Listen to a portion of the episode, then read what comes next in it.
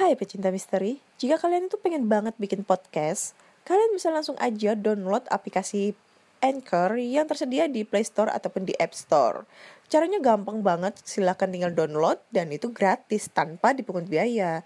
Dan podcast kalian langsung terpublish secara otomatis di Spotify, Google Podcast, Apple Podcast, ataupun di Anchor. Hmm, gampang banget kan? Buruan coba langsung bikin podcast kalian agar kalian bisa berkreativitas seperti yang lainnya.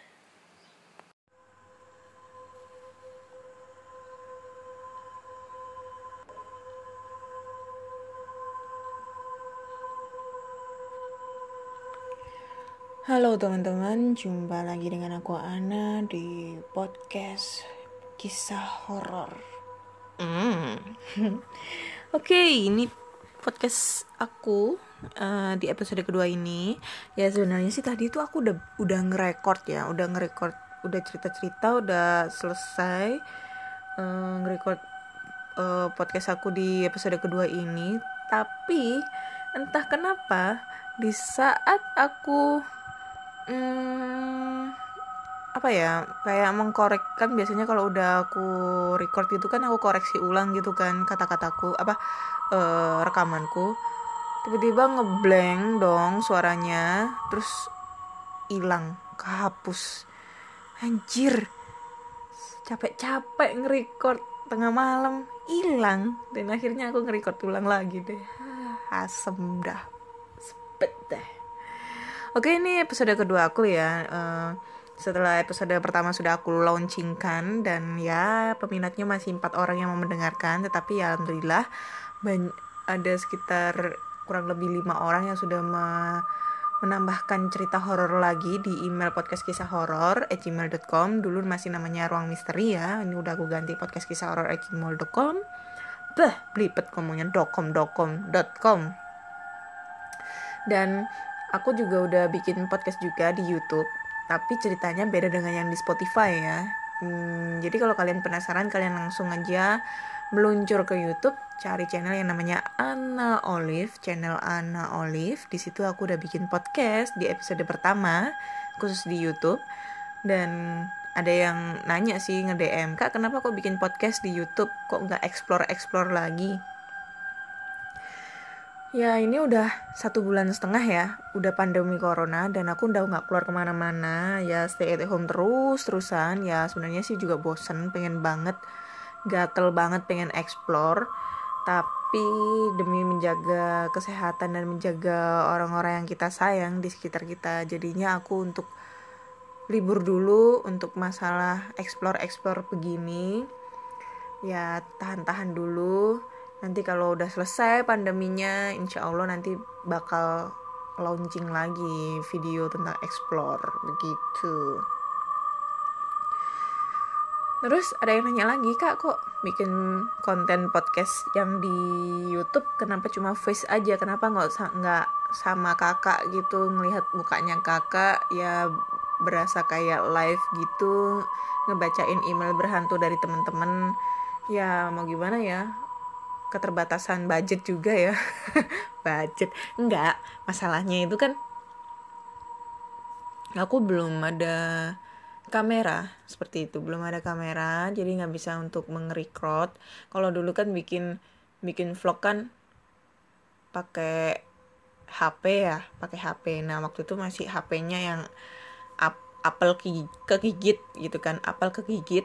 Aduh belibet ngomongnya. Dan kemarin tuh apelnya apelnya aku jual. Jadinya aku nggak bisa buat record record video lagi bikin vlog vlog lagi. Ya mau nggak mau cuma voice aja ya. Tapi aku harap kalian suka dengan ceritanya karena ini memang cerita pengalaman horor dari teman-teman. Dan kalau kalian berminat untuk diceritakan tentang pengalaman mistis kalian kalian bisa langsung aja kirim ceritanya di podcast kisah horror at gmail.com podcast kisah horror at gmail.com ataupun DM di Instagram namanya Anna Olive ataupun Instagramnya podcast kisah horor nanti cerita kalian bakal aku share bakal aku bakal aku ceritain di Spotify maupun di YouTube. Begitu. Oke, lanjut lagi ke episode kedua ya. Tadi udah nge sebenarnya dan uh, sumpah bete banget. Hilang. Hilang rekamanku. Nggak nggak tahu kenapa kok bisa hilang dan mau nggak mau aku harus ngerekam lagi. Dan sekarang udah jam 12 lewat 12 malam ya lewat 11 apes emang. Oke sebelum kita mulai ceritanya matikan lampunya tutup pintu rapat-rapat pasang headset kalian lalu resapi cerita ini dan bayangkan seakan-akan ada seseorang yang sedang mendengarkan cerita ini bersama kalian di kegelapan kamar kalian.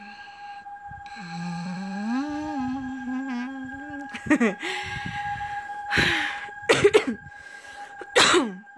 agak sedikit batuk dan kopiku udah habis.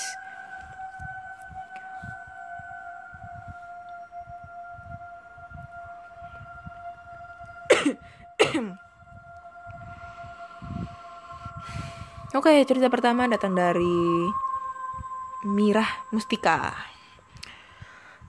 Halo Kak Ana, perkenalkan nama saya Mirah Mustika kayak dangdut deh nih kayak nama grupnya Pak Haji Roma Irama Mira Santika. Bukan ini Mira Mustika guys. Aduh nama juga pemberian dari orang tua kali ada artinya.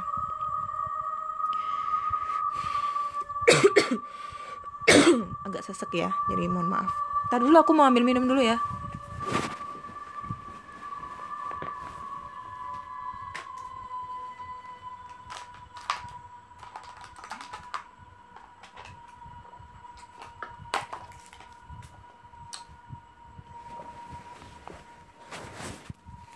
Oke, lanjut lagi.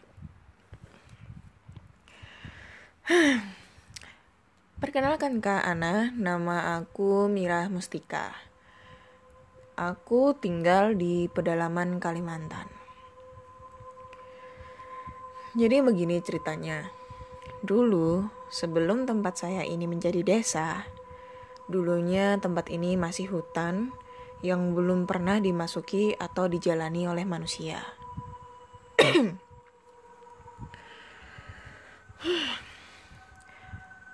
Menurut kisah kepala suku kami, Dayak, tempat kami ini termasuk hutan larangan yang dihuni oleh makhluk gaib ataupun binatang buas lainnya seperti yang terkenal macan kumbang dan yang paling terkenal yang apa ini? Oh, macan kumbang dan yang paling terkenal adalah wanita berbaju kuning pengantin.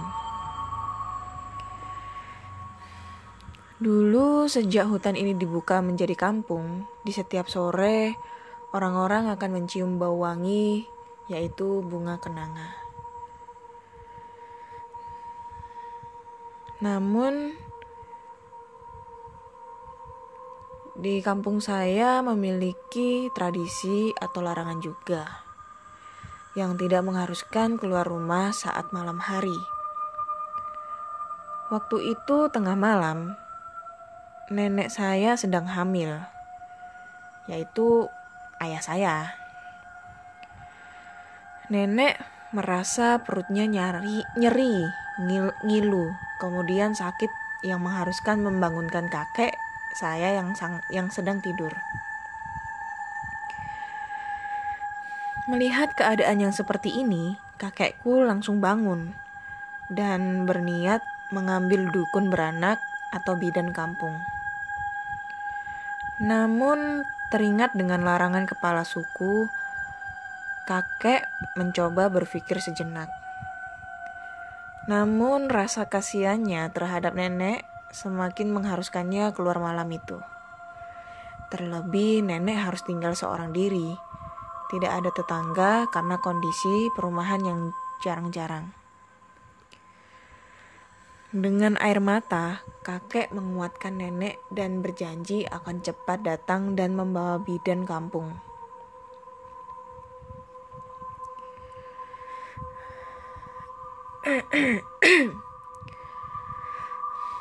Berbekal mandau atau senjata khas Dayak, kakek pergi meninggalkan nenek yang tengah ingin melahirkan.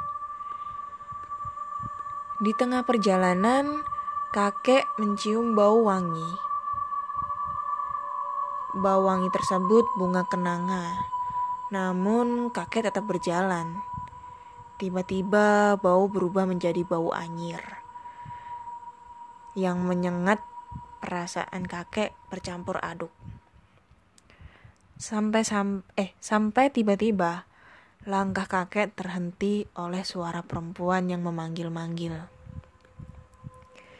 Mas, mas, mau ke mana mas? Tanyanya lembut. Mau ngambil bidan kampung di istri saya mau melahirkan, jawab kakekku. Perempuan itu terlihat cantik dan anggun, dengan baju kebaya berwarna kuning, seperti seseorang yang akan menikah. Rambut dianyam namun panjang selutut. Adik sendiri mau ke mana? Tanya kakekku. Saya sendiri ingin bertemu dengan seseorang teman hidup yang sekarang telah memikat hati saya. Sudah dulu ya mas, saya mau, saya harus pergi. Jawabnya sambil senyum-senyum dan berlalu pergi. Tanpa kakek sadari, ternyata perempuan itu telah hilang bak di telan bumi. Dan yang lebih anehnya, dia berjalan tanpa membawa penerangan.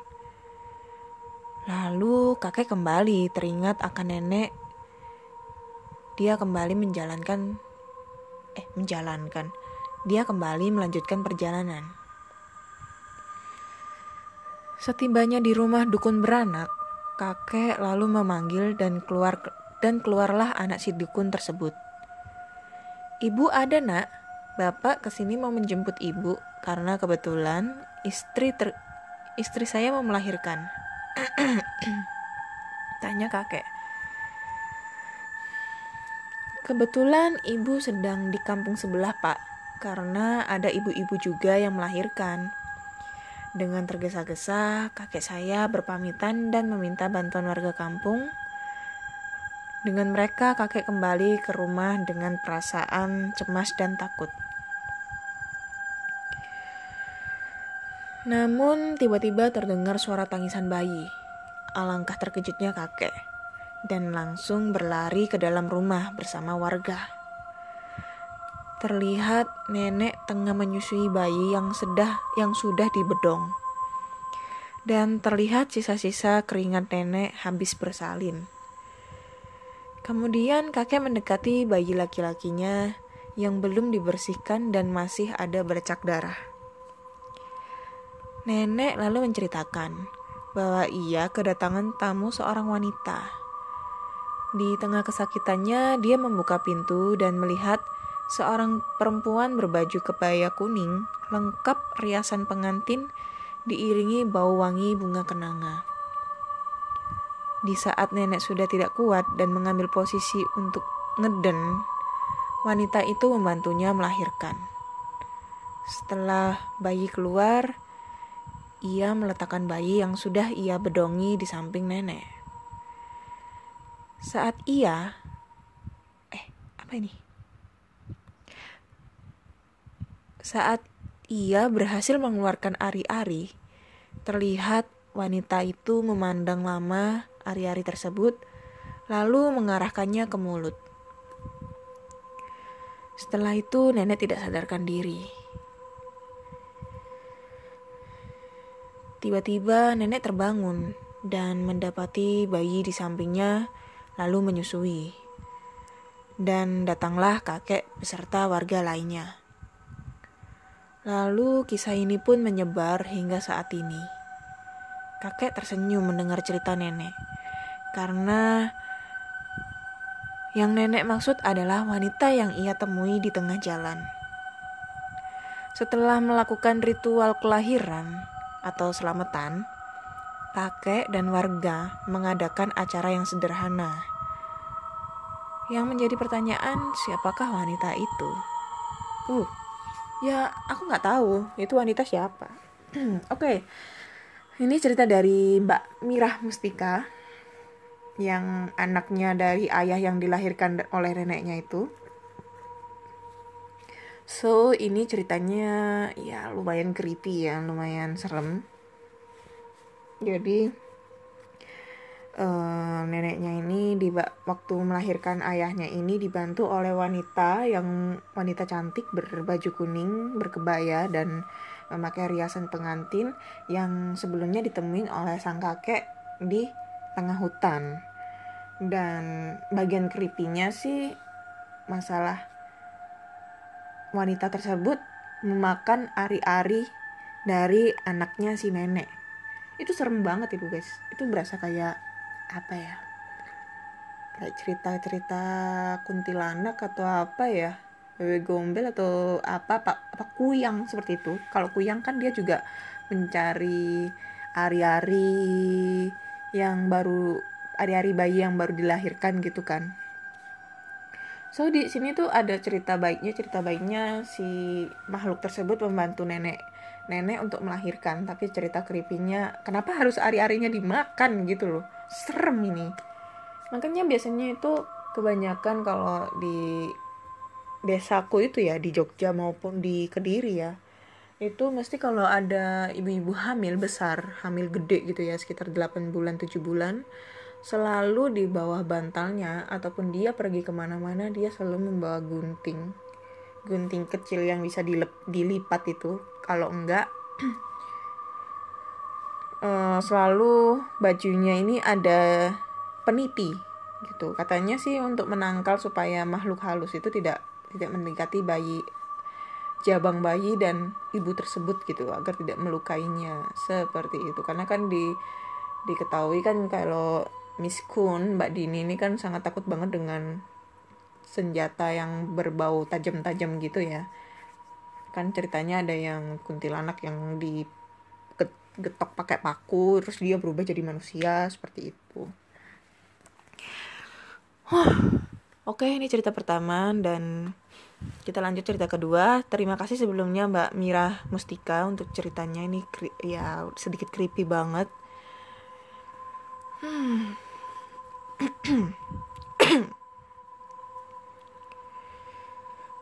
Dan dan ini cerita kedua dari Rifki Asyari. Halo Kak Ana, kali ini aku mau cerita horor yang aku share di podcast kisah horor ini.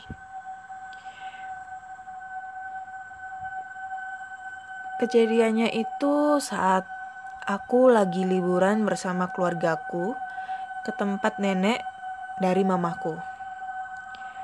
Maklum aku milih liburan ke sana karena di sana banyak teman.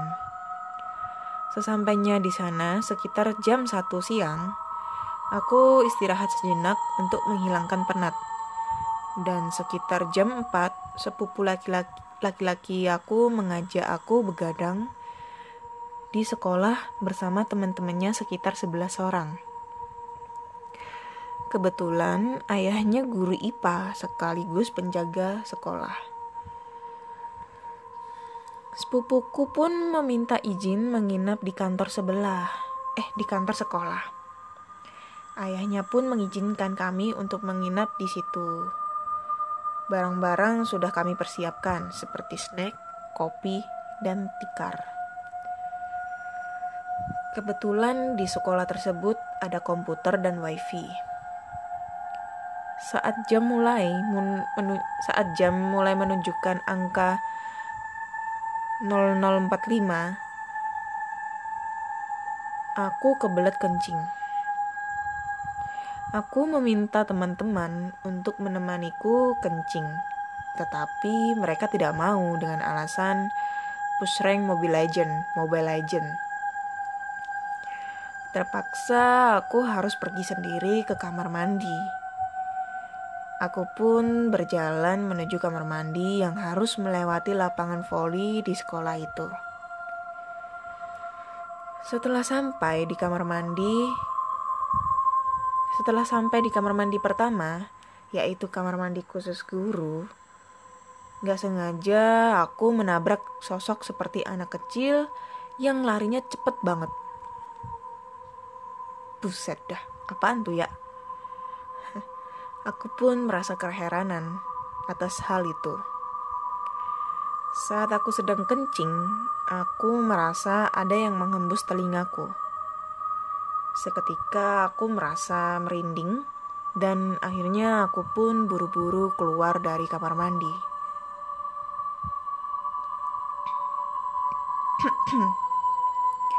saat aku mau menuju kamar eh saat men aku menuju kantor sekolah serasa ada yang memegang pundakku seperti bermain kereta api dan di kelas 9C aku mendengar kursi ditarik dan didorong dan didorong.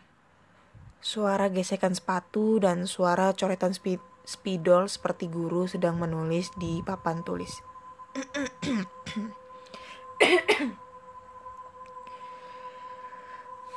Karena suasana nampaknya sudah menyeramkan, aku pun menghidupkan senter HP dari kantongku. Gak sengaja waktu aku menyenter di salah satu tiang voli. Kebetulan di tiang voli itu ada temenku namanya Dandi. Aku pun langsung bertanya sama dia. Di, lu ngapain di sini bego? Ayo masuk, di sini suasananya angker banget. Tetapi si Dandi malah diam aja, sambil menggelengkan kepala. Ya udahlah, gue masuk duluan ya.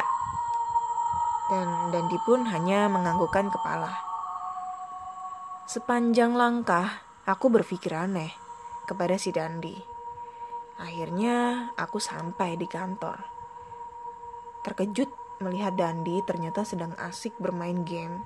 Sedangkan baru aja aku melihat dia di lapangan. Aku pun langsung bertanya pada Dandi. Di, lu kok cepet banget sampai sini? Bukannya tadi lu di lapangan ya? Dandi pun menjawab, di lapangan. Kurang kerjaan banget gue di lapangan jam segini. Lah, terus yang di lapangan tadi siapa dong? Di saat itu, perasaan takut gue makin menjadi. Saat itu pun, sepupuku yang bernama Arya menceritakan semuanya tentang sekolah ini. Arya pun bercerita bahwa dahulu ada anak kelas 8 mati gara-gara dibully dan katanya dia mati di kamar mandi dengan menusukkan pisau ke perutnya. Dan konon Katanya arwahnya masih penasaran.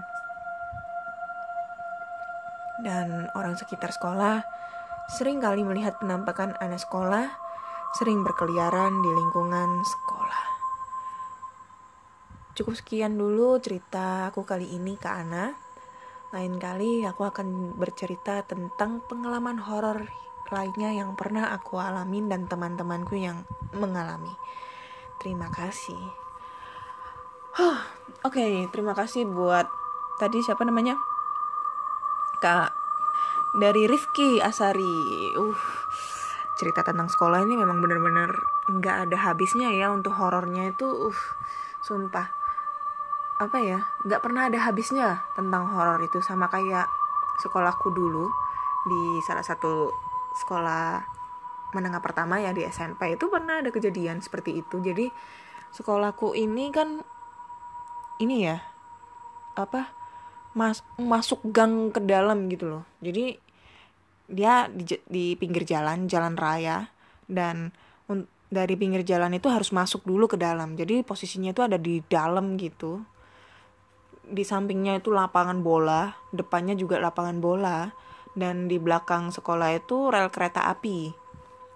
Dan ya kalian bisa tahu lah gimana mistisnya itu sekolah dan bagaimana? Dan ini sekolahnya ada di Surabaya Barat ya. Jadi kalau kalian yang asli Surabaya dan rumahnya di Surabaya Barat pasti tahu lah kalau benar-benar anak sekolah situ. Sekolah di mana. Dan di situ tuh pernah ada kejadian horor. Jadi waktu itu ada kegiatan pondok Ramadan. Masih inget banget aku ceritanya. Jadi ada kegiatan pondok Ramadan.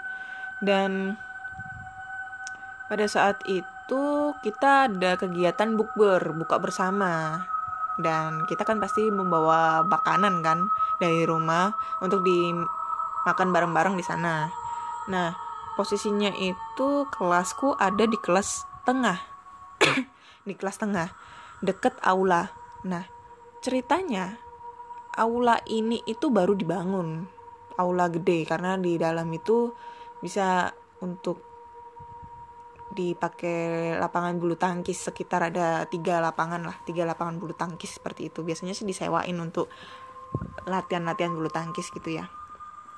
Nah pada saat pembuatan aula ini dulu sempat pernah ada kejadian tukang itu jatuh dari atap gitu dan meninggal seketika di sana karena kehabisan darah karena ya kepalanya kebentur lah. Soalnya kan di bawah itu kan posisinya udah beton ya. Jadi kebentur sangat keras dan meninggal seketika di situ.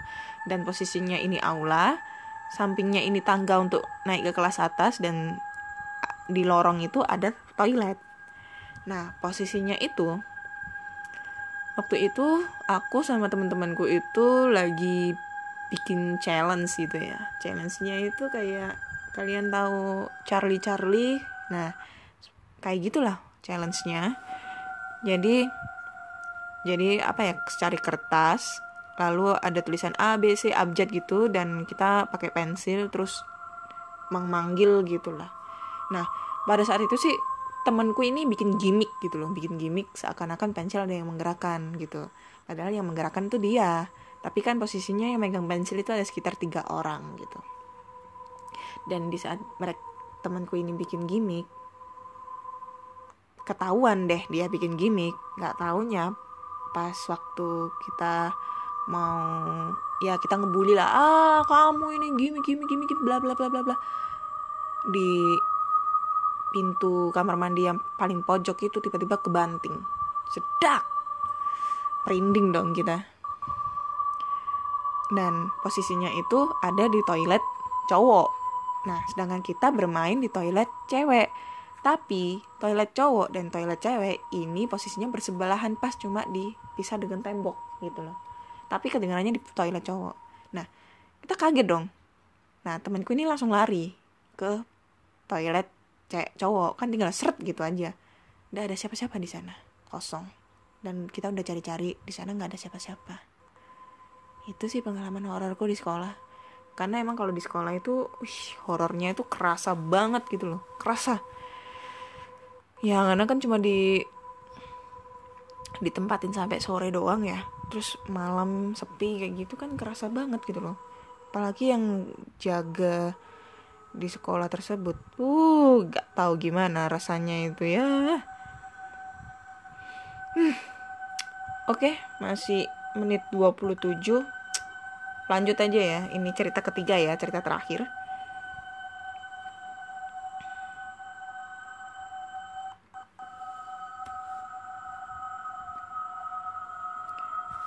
Oke, di cerita terakhir. Nih. Cerita terakhir datangnya dari Albi Galib. Halo Kak Ana, Perkenalkan nama aku Alvi Galip. Aku mau share ceritaku di podcast kisah horor. Dan mohon dibaca ya. Mohon maaf kalau kata-katanya agak sedikit berantakan. Oke, pasti aku bacain kok ya. Jadi begini Kak ceritanya. Sekitar tahun 2010, tanteku membeli rumah dari salah satu temannya yang ada di Wamena, Papua. Si teman tanteku ini menjual rumahnya karena bapaknya sakit keras dan butuh biaya untuk berobat. Padahal rumahnya baru dihuni sekitar 2 tahun sama si Pak Jono. Pak Jono ini nama bapak bapaknya ya. Sebelumnya, selama tinggal di rumah tersebut, Pak Jono tidak pernah merasakan hal-hal goib. Hanya saja, Pak, Pak Jono sering sakit-sakitan. Bahkan dokter bingung karena setiap periksa ke dokter tidak terdeteksi sedang mengidap penyakit keras. Selain itu, penyakitnya Pak Bapak Jono ini aneh. Karena Pak Jono sangat cepat kekurangan darah. Bahkan dalam jangka 10 hari dirawat saja. Rumah sakit sudah bisa memberikan donor darah sebanyak kurang lebih 50 kantong darah atau 5 kantong per hari. Setelah melihat kejadian itu, Anaknya Pak Jono berinisiatif menjual rumah tersebut dan akhirnya tanteku membelinya. Tetapi berselang tujuh hari setelah Pak Jono tidak tinggal di rumah tersebut, Pak Jono tiba-tiba sembuh. Setelah sembuh, beberapa hari kemudian, Pak Jono mengunjungi rumah lamanya yang sudah dijual ke tanteku. Tetapi tiba-tiba Pak Jono setelah sampai di rumah tersebut tiba-tiba pingsan dan seketika meninggal. Semua panik dan langsung membawa ke rumah sakit terdekat. Dan da informasi dari dokter, Pak Jono bisa seperti itu karena serangan jantung. Akan tetapi informasi dari anaknya Pak Jono meninggal bukan karena itu. Anaknya bercerita bahwa saat menemani bapaknya ke rumah tante saya, Alhamdulillah. Anaknya Pak Jono melihat sesuatu di dalam rumah tersebut. Dia melihat satu keluarga yang terdiri dari ayah, ibu, dan dua anak. Yang seperti menunggu kedatangan Pak Jono dan saat anak Pak Jono bertanya ke tanteku, siapa mereka? Tiba-tiba Pak Jono jatuh pingsan dan meninggal. Setelah mendengar cerita tersebut, tanteku tidak menghiraukannya. Bahkan tanteku sudah 10 bulan tinggal di sana, tidak merasakan hal-hal aneh. Hingga akhirnya tepat 2 tahun, tanteku terkena penyakit seperti Pak Jono dan akhirnya tanteku memanggil kiai dan ustadz untuk merukiah dirinya. Alhasil sangat mengejutkan. Ternyata selama ini di rumah tersebut memang ada penghuninya, yaitu terdiri dari satu keluarga korban pembunuhan berantai oleh OPM dan tanah tersebut dahulunya Ternyata tanah mereka yang direbut paksa oleh OPM dan dijual ke masyarakat. Dan masyarakat yang membeli tanah tersebut diketahui sudah lama meninggal dunia karena bunuh diri saat selesai mendirikan bangunan di tanah tersebut dan setelah mendengar hal tersebut, tanteku kembali ke Makassar untuk berobat dan tanpa memberitahu aku tentang cerita tersebut. Saat tanteku dan keluarganya pulang, aku disuruh menjaga rumah tersebut sendirian. Setelah tiga hari bermalam, aku merasakan hal aneh. Saat aku mengganti channel ketika sedang menonton TV, tiba-tiba terasa seperti ada orang di belakang saya. Atau saat saya mematikan lampu untuk tidur, tiba-tiba hawanya berubah menjadi dingin. Akhirnya, aku ceritakan semua kejadian aneh yang aku alami, dan keesokan harinya, tanteku langsung menyuruhku untuk tidak menginap di rumah itu lagi. Aku pun mendapatkan berita baik kalau tanteku sudah sembuh. Sekian dulu cerita dari aku ke Ana. Terima kasih sudah dibacakan. Oke, ini cerita agak merinding juga ya tentang rumah rumah dari teman tantenya dan ternyata rumah itu adalah bekas apa ya pembantaian ya pembantaian yang dilakukan oleh oleh OPM ya. Uh, organisasi Papua Merdeka. Ya ini ini ini sedikit agak miris juga ya karena ya mantan saya cile mantan saya. Jadi keinget lagi mantan.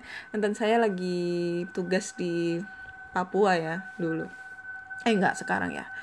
Mantan saya lagi dinas di Papua dan di sana lagi marak-maraknya OPM juga ya dan sudah banyak korban yang berjatuhan karena ke karena kesedisan OPM tokek guys.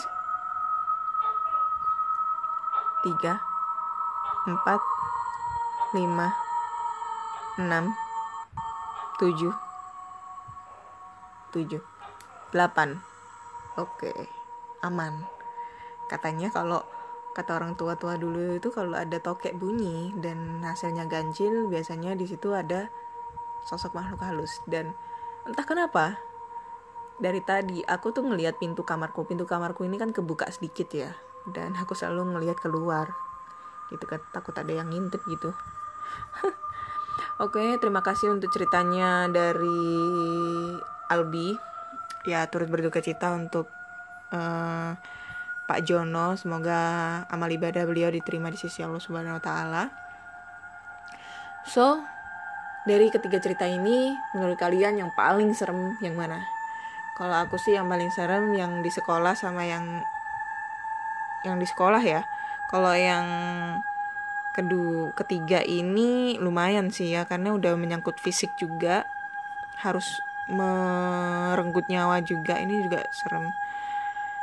Jadi jika kalian mempunyai cerita-cerita horor horor mistis yang pernah kalian alami ataupun teman ataupun saudara kalian alami kalian bisa langsung langsung share pengalaman kalian di podcast kisah horor at gmail.com podcast kisah horor at gmail.com ataupun DM langsung di Instagram di podcast kisah horor atau uh, eh, DM di Instagram Ana Olive nanti cerita-cerita kalian bakal aku ceritain di podcast maupun di YouTube. Akhir kata terima kasih udah mendengarkan dan sampai jumpa di cerita-cerita berikutnya